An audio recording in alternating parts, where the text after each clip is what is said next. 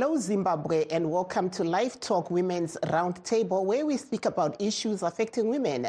We're coming to you live from Studio 7 at the Voice of America in Washington. I'm your host, Marvelous Mhlanga Nyahuye.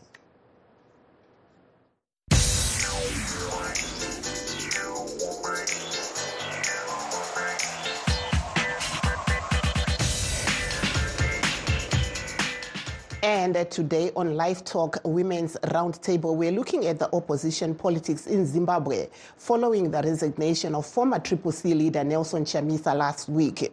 But first, let us take a look at what is happening in Kenya. Indigenous African grains such as millet and sorghums are known to be nutritious but are not popular foods with many, especially the Gen Zs, who view the grains as food for the poor. To change this narrative, a Kenyan entrepreneur is using the grains to make snacks and breakfast cereals to promote consumption of indigenous grains and foster environmental sustainability, as Juma Manjanga reports from Nairobi. At her home-based factory in Nairobi, Dora Momanyi is making popcorn snacks using indigenous grains. Momanyi says IPOP Africa was birthed three years ago from her master's degree research project on the role of indigenous African grains in promoting nutrition in Kenya's semi-arid areas. Today, Momanyi purchases grains such as yellow indigenous maize, millet, sorghum, and brown rice from smallholder farmers. She converts them into snacks to provide consumers with convenient and healthy snacks that are rich in nutrients and free from oil and gluten. What IPOP is trying to do is to reclaim or bring back the glory of the traditional millets and sorghum. What we basically do is we transform these uh, indigenous grains that are climate smart, remember, because now we are talking about climate change everywhere and we are also talking about our water tables going down. So we really want uh, people in semi-arid regions to benefit from what they have. The grains are subjected to high pressure and a temperature machine that transforms them into pops. To enhance the taste of the products, natural flavors and spices are then added through a process called food-to-food fortification. The result is a range of snacks and breakfast cereals. The products are receiving good reviews. Brandon Wayaki, a student at the United States International University Africa in Nairobi, is a consumer of the snacks. It's it's a nice snack. Like if like you see people love maybe taking popcorns and they're going for movies. So this can be like a nice alternative to popcorn. Yeah, because it's healthy and it still has the same taste, so it's okay. Kenya is one of the countries that still grapples with food security. More than a quarter of the children under the age of five, or 2 million children, have stunted growth, according to UNICEF. Experts say the situation is similar across Africa. Antonina Mutoro is a research scientist at the African Population and Health Research Center in Nairobi. We are currently experiencing a nutrition transition, which means that there is a shift in diets from traditional diets, which are mainly rich in, in um, micronutrients and fiber, to diets which are more mostly processed, high in fat, salt, and sugar. So, as a consequence, you find that there is an increase in um, non communicable diseases such as diabetes and hypertension, as well as obesity. To help address climate change, which is one of the factors affecting food systems in Africa, IPOP Africa has come up with a one snack, one tree initiative where the company plants a tree for every product purchased. Momanyi says her goal is to revolutionize the snack industry and foster environmental sustainability. We are also uh, looking at a population that is getting educated more and more, and uh, we are seeing a change in consumption patterns. So, in future, actually, from now going to the future, we are um, seeing a larger population moving to consumption of healthy, alternative, healthy food products. And that is the niche market that we are trying to venture into. Nutrition and food security remain major challenges on the African continent. Entrepreneurs like Momanyi hope to be at least part of the solution. Juma Majanga, VOA News, Nairobi. Some great reporting there by Juma Majanga. Next week, we'll be looking at the importance of indigenous grains like zviyo, munga nemapfunde. Izvo zviri kukurudzirwa kurimwa nenyanzvi munyaya dzekurima. Tichataura nenyanzvi dziri kukurudzira kurimwa kwezviyo munga nemapfunde. Senzira yekurwisa nzara neutano muafrica retired Colonel Kenny Constantine Mabuya was buried in Harare today at the National Heroes Eka.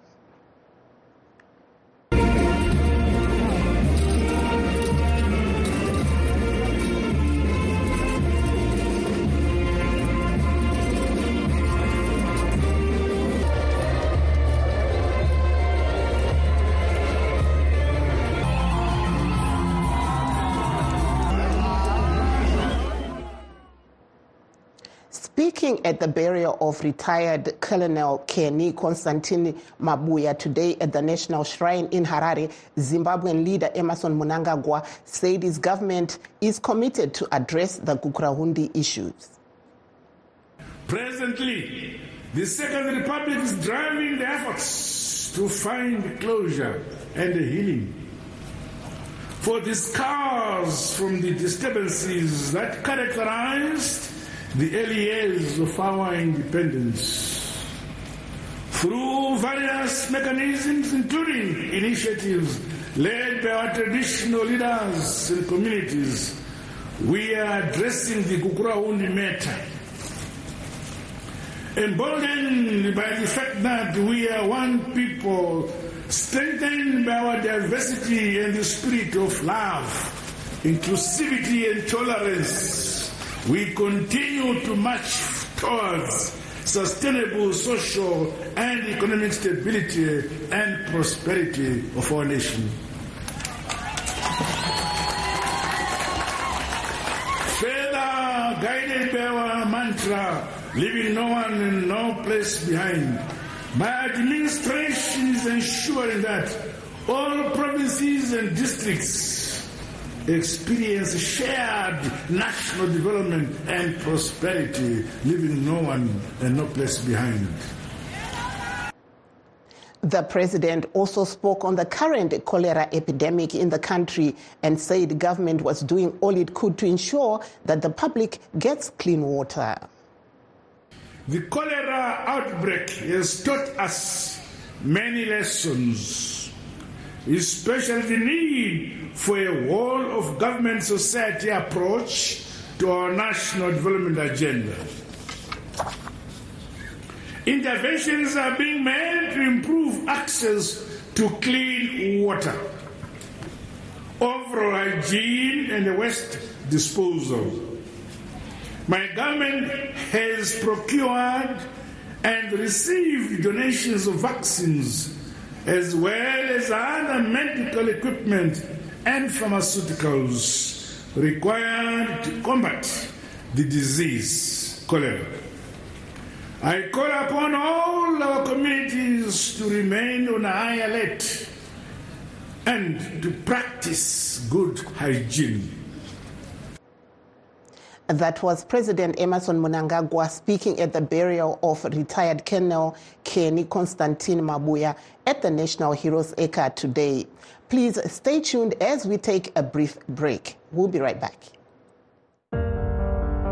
In times of change, when the world seems uncertain and what we hear doesn't reflect what we see,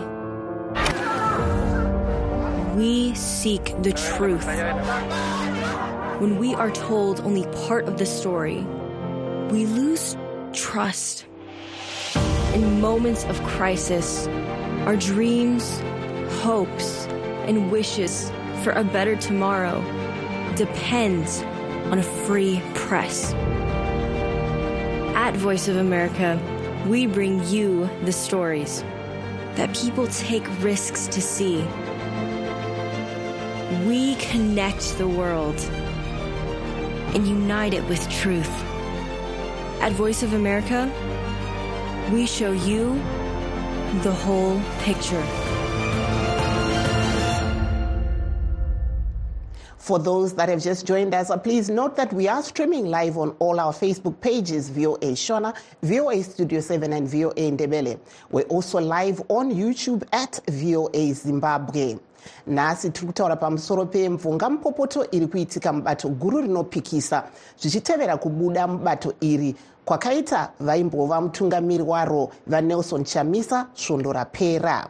To discuss this issue we are joined by linda masarira the leader of lead and opposition party political analyst dr shipo dendere and comfort dondo of pumulani welcome to the program ladies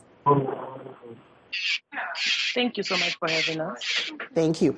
I'll start with you, Dr. Dendere. Why is there chaos in the main opposition? Hi, Marvelous. Can you please repeat your question? Sorry, my network is a bit bad. Yes. Uh, we can, uh, yeah, the line is a little bit bad, but anyway, I can uh, just uh, switch over to you, Comfort, while we are trying to get a better line with you, Dr. Dendere. Uh, why do you think there okay. is uh, chaos in the main opposition? Um, yeah, thank you so much for having me. Uh, this is Mavi. Um, I think there's chaos in the opposition in Zimbabwe uh, because um, our politics has become very polarized over the years. We are talking about um, polarity that is no longer really factoring the needs of the citizens in the center um, because now it is becoming a politics of the stomach. Um, and so that's where we have chaos. Um, and I don't think it's necessarily chaos within the opposition party itself. It is actually chaos within the country itself that is bleeding into um, anything that um, includes the opposition political party. Mm-hmm. Thank you so much. I'll uh, now come to you, Ms. Uh, Masarira, Linda Masarira. Why are women quiet on the ongoing controversy in the main opposition when, in fact, they are the majority in the country? Can you come again with your questions this morning? I didn't quite hear it. Eh, kuti sei madzimai vakanyarara tiri panyaya iyoyi ah, yezviri kuitika munyaya dzezvematongerwo enyika yeti madzimai ndo akawanda munyika eh, chekutanga ah, genditanga nekuswedza ini eh, venhekenyero yestudio seven nevateveri vose. Zvakatikoshera kuti tinzwisise kuti ruzhinji rwezvizvarwa zvemuno muzimbabwe havanzwisise nyaya dzezvematongerwo enyika. And saizvozvo kune zvakagara zvakangova acceptable. E, pachirungu vanoti societal uh, acceptance yekuti a political economy yepolitics of personalities. So you find that a lot of people just know kuti mutungamiriri wangu ndinhingi zvekuti mp wekubato rero ndiani kana kanzuro kubasa ikoko ndiani havana mhaka nazvo ndosaka tichiona tine matambudziko atiri kusangana nawo ungava kuservice delivery kana kune zvinhu zvakasiyana siyana nekuti kwemakore akawandisa vanhu vaingoenda kunovhota kunoti munhu uyu ari kubato ravatangira here kana kuti ava mugabe kana kuti ari kubato ravachamisa here kana kuti ava munangagwa vasingatarise vanhu vacho vanofanirwa vati vakatarisana nekugara kwavo mukati menharaunda vanga vanhu vamakanzura edu kana mamp vanonyanya kushanda nezvemutemo saka saizvo tinoona zvakare kuti ruzhinji rwevana vedzimbabwe takatarisa madzimai chete havasi kutonzwisa kuti zvii zviri kuitika. Ndopatinoona kuti vazhinji vakutorwisanawo futi pachavo vachirwira mapersonality nekuti hatisati tasvika danho rekunzwisisa kuti munhu anofanirwa kusapota an institution an organization kwete the face of the organization. Tikaramba tine tsitsa neunhu ihwohwo. Tiri kuzviuraya pachedu. Isi ruzhinji rwevana vezimbabwe? Nekuti vakuru vedu chaivo vakataura vakati chara chimwe hachitswanye munda. Chero tiri kumashure kwatakabva uko pachivanhu pedu kwaiva nenhumbi negutsa ruzhinji. Rore vaitoziva kuti mumararamiro edu kune vasina vanoda kuzobatsirwawo nevamwe. Saka nekutungamira chaiko? Kwaiva nenhumbe like structure yekuti chero vanga vari mambo vaiva nevatevedzeri vamambo kwozoita masabhuku vavaigara navo vachiwadzana navo chienda zvakadaro zvinosvika kumashure. Asi politics dzataona muno muzimbabwe dzezvematongerwo enyika dzakuti ari kutungamirira ndiani? Ndiye watinotevera. Chero akachinja mapato ka10 ndinomutevera kumapato 10 iwayo tisingatarise kuti zvii zviri kukwanisa kuitwa pachirungu say we need to get to a stage where we build strong institutions not to follow strong men strong men will always lead us into demise Thank you there, Ms. Masarira. Uh, Dr. Chipodendere, I think we now have you back on the line. Uh, what's your thoughts uh, on what uh, Ms. Masarira has just said about Zimbabwean politics and the absence of women who are vocal about what we're seeing unfolding? So I missed most of it because of my connection.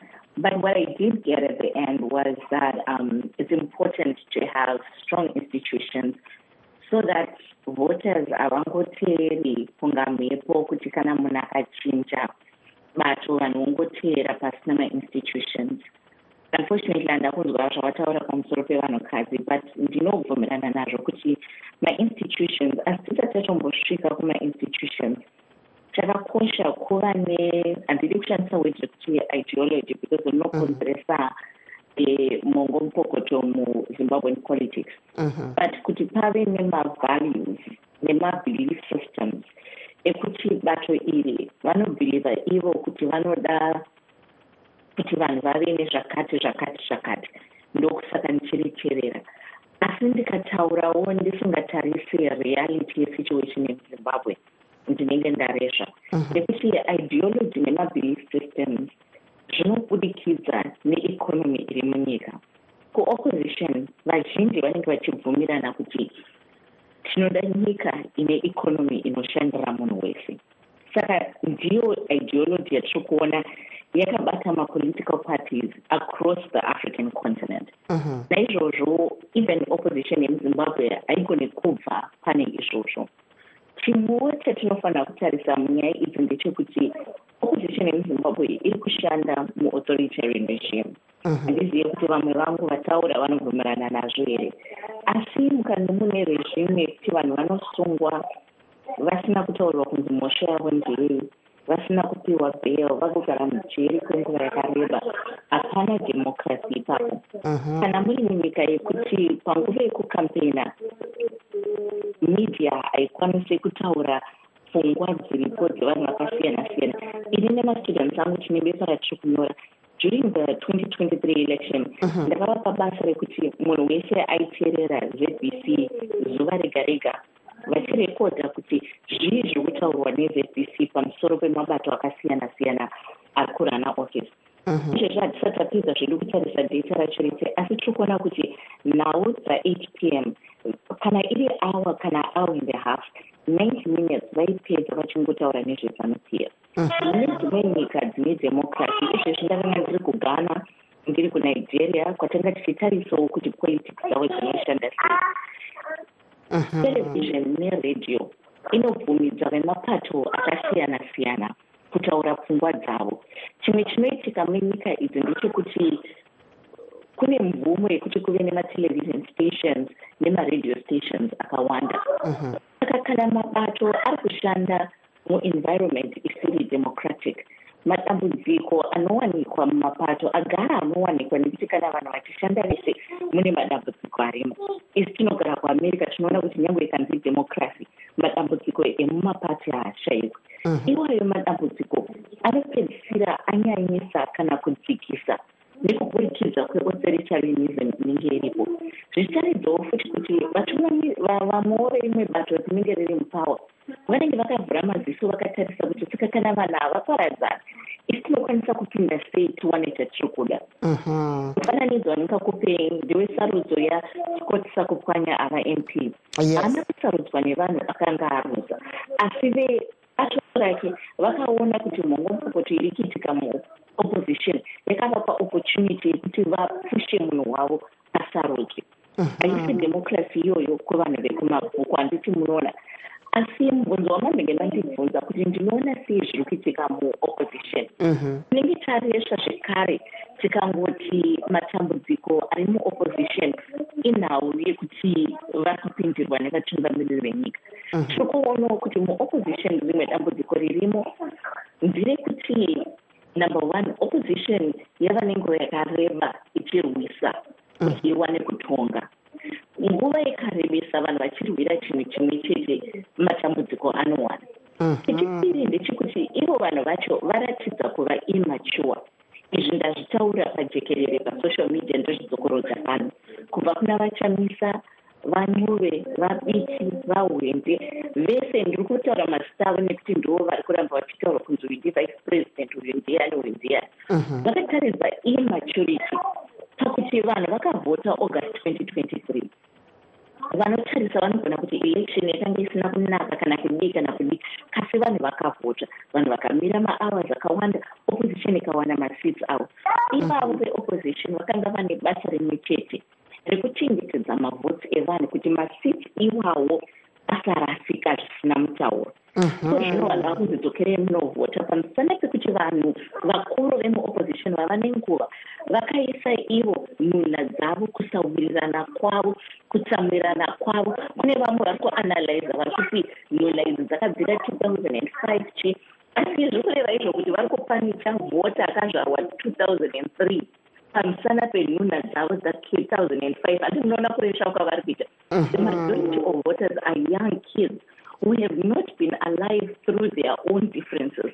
Saka ivo vaakupanicha mavhoters ava nekusawirirana kwavo nekushaya maturity kwavo kuzokera kumazimbabwen thank you so much uh, dr. Nyendere. Thank you so much. Uh, let me give a chance also to miss dondo uh, munoona sei zviri kutaurwa nadr dendere panyaya yekuti zviri kuita mapisha pisha ari kuitika kumapato anopikisai munyika? Um ndinoti ndine kafungiro kakati siyanei ini matauriro andaita ndeyekuti ndinobvumirana nadr endera panhau yekuti muzimbabwe hamuna yatinoti democracy. Mm-hmm. we are under a military regime. We are under yatinoti authoritarian regime. So pane pane authoritarian regime hapana mitemo inotevedzerwa. Mm-hmm. um izvi zviri kuitika izvi ndo zviri kukonzera imwe nyonga nyonga iri kuitika muopposition mutriple c ini ndinoti zvakare august 2023 hapana sarudzo dzandingati dzakanyatsoitika even padzaiitika tanga tiri kuzwa kumapolling station akasiyana siyana mbonga mupopotodze zvinhu zvanga zvichiitika kuti zvirasise opposition. Mafungiro angu ndorosvivira kuti kana tiri under a military regime hataifanira kunge takaenda kusarudzo. Nekuti taingofanira kungobvuma isu kuti tiri under one party state tozotarisawo zvataurwa nemabva kutaura vari vaviri. Ndinoagria nesome of things zvavataura.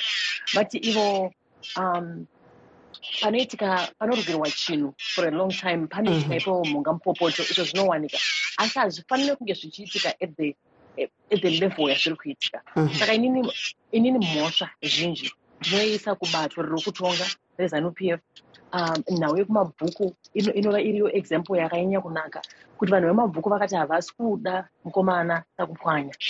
Asi vakazvimanikidzira pavanhu. Ndinoti nini hangu mukupedzisira muzimbabwe hatina hedu democracy muzimbabwe hatina hatina hatina hatina sarudzo freedom of choice. Thank you. Uh, the will of the people is not being honored. Thank you. Very comfort uh, let me just uh, take a caller quickly. Hello caller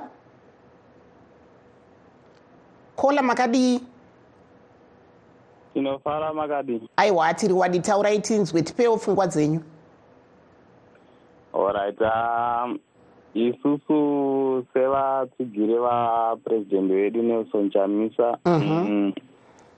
Tinotarisira kuti isu tichangoramba tichitevera gwara ravanenge vateura iroro saka dai vava vakateerera maivati chii pari zvino mati? Dai vanga vakateerera maivati chii pari zvino? Aiwa kana vakateerera pari zvino tinongovati ngavarambe vakashinga ngavatore nzira yavanenge vatora iyoyo. E, isusu seruzhinji rwezimbabwe sevanhu vari kuda shanduko aiwa ticharamba tichingotevera. Thank you so much caller. Uh, miss masarira pindai tinzwe mutauro manzwa zvataurwa nakola e, munoona sei nyaya yezvatiri kuona zviri kuitika izvi? Inini kuri munhu asina kumbobvira akarova imbwa akaviga mupinyi ini pandakatadza kuwirirana navachamisa 2018 handina kuzviwandisa kuruzhinji rwezvizvarwa zvemuno muzimbabwe kuti vachamisa havasati vapolitically machuwa kuti vangakwanisa kutungamirira nyika. Sei muri kudaro? Zvakatikoshera kuti tinzwisise kuti pane kugona kufadza chaunga nekuvaudza zvavanoda kunzwa nekugona kutungamirira mutungamiriri chaiye akakwana anogona kusanganisa vanhu. Agogona zvakare kushanda nevaasingafariri achigona kunonanganisa rinenge chidzikonzvo rekuumba nyika. Patakaona kubva vachamisa pavakaita his unconstitutional take over of mdc was to eliminate every leader who came from labour. Vanhu vese vakabva kulabour became an enemy to him and those who came from zinasu became his preferred leaders in opposition politics a lot of people will not understand this because they do not understand the political dynamics in Zimbabwe. The MDC was formed on the bedrock and foundation of labor. kugona kusimudzira raramo revashandi mukati menyika yezimbabwe mdc was a baby of zctu ichiincorporata nemastudent leaders uh -huh. vachamisa pavakatora masimba zvisiri pamutemo nekuti vachangirai vashaya aifanirwa kuita vpindi vadr tokozani kupe. Koendwa kuextraordinary congress kwasarudzwa mutungamiriri mutsva. Zvese izvi vachamisa ndakavaudza munogona kana udhibheti kana interview varipo tigokurukura nyaya idzi but ndinoziva kuti havabvume because havadi kuudzwa maeras avo in public. Because he has maintained this demigod status and saint chamisa status. But is no no saint Uh-huh. batai makadaro. batai makadaro muzvare masarira capacity. Ndikumbura kudzesa mm-hmm. by your capacity to be able to follow, follow the constitution at a party level. Because zimbabwe is a constitutional democracy Mm-hmm. Thank you there. person who does not abide in their own internal party constitution tinozoita confident sei yekuti mukapiwa nyika you follow the constitution of this country. Thank you miss masarira. regai timbopa thank you there miss masarira. Regai dr dendere uh, what's your comment on uh, what miss masarira is uh, saying here dr dendere? Thank you. Thank you so much. Ndokunzwa uh, zvavari kutaura. Asi zvanamboreva zviya kuti dambudziko rezimbabwen opposition sometimes kutadza kuita move forward. Okay. Handisi kuti zvakaitika 2018 pakushaya kwavatsvangirai zvakanaka kana kuti hatifaniri kudzokera pashiri asi kana vanhu chinokubatanidzai chakasimba kukunda chinokuparadzanisai then i think sometimes vanhu vanofanira kugara pasi vagadzirise nyaya. Ndinodaro nekuti opposition yakasplita 2005 vakasplita 2013 mm-hmm. vakasplita 2016 and 2017 Thank you there. Unfortunately, time is not on our side. Thank you there, Dr. Chipo Dendere. Also, thank you, Comfort Dondo and Linda Masarira. Thank you, ladies, uh, for gracing our show. That brings us to the end of our show. Shining off in Washington, I'm Marvelous Mtlanganya Huye.